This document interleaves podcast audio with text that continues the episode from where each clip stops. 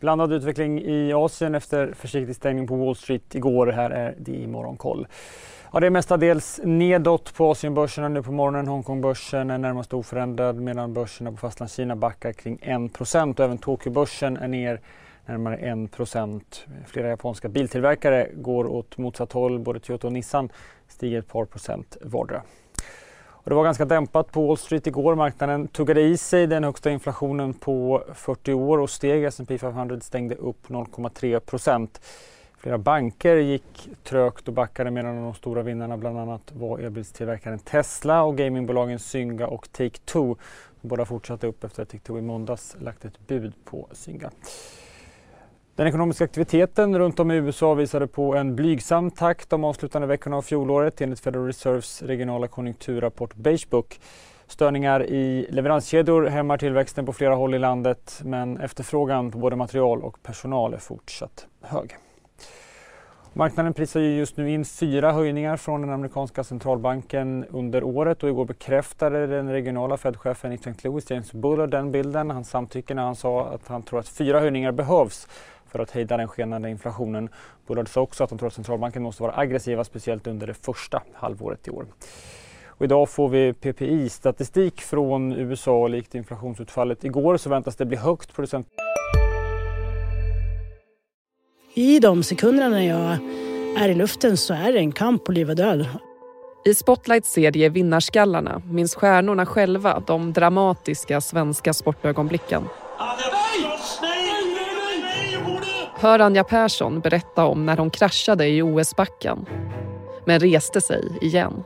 Jag ville vinna över berget. Vinnarskallarna. Nytt avsnitt varje fredag. Sök efter podden Spotlight. Priserna väntas ha stigit med närmare 10 i årstakt. Vita huset har infört sina första sanktioner mot Nordkorea efter ytterligare en testskjutning från landet för två veckor sedan. Sanktionerna riktar in sig på ett antal nordkoreanska medborgare men även en rysk och ett ryskt bolag som anklagas för att ha bistått med material till landet. Till Sverige så, bostadspriserna rörde sig i sidled under den avslutande månaden i fjol visar siffror från Svensk Mäklarstatistik. Stockholms innerstad sticker ut där priserna gick upp med 2% något som bland annat förklaras med ovanligt lågt utbud. Villapriserna var likt bostadspriserna oförändrade på riksnivå i flera av storstadsområdena. Under hela fjolåret 2021 så ökade bostadsrättspriserna med 7% medan villapriserna steg med 13 och allra mest ökade priserna på fritidshus som steg 20% under fjolåret. Idag får vi några första rapporter från USA. Det är flygbolaget Delta Airlines som rapporterar innan Wall Street öppnar. Trafiken och intäkterna är som väntat upp i rapporten rejält men spännande att höra kring utsikterna när smittspridningen nu ökar. Sen släpper även den japanska eh, klädjätten Fast Retailing siffror eh, under dagen, något att se fram emot. Idag så säger vi också hej då till ICA som kommer avnoteras efter att budet från ICA-handlarnas förbund gått igenom. Mer nyheter som vanligt på sajten di.se.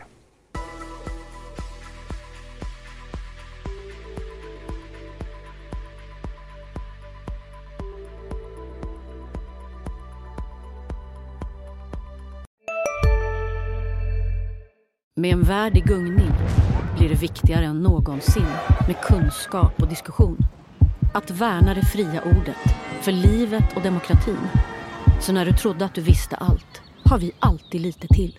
Privata affärer plus allt. All journalistik du behöver, samlad. Prova en månad gratis. CSRD, ännu en förkortning som väcker känslor hos företagare.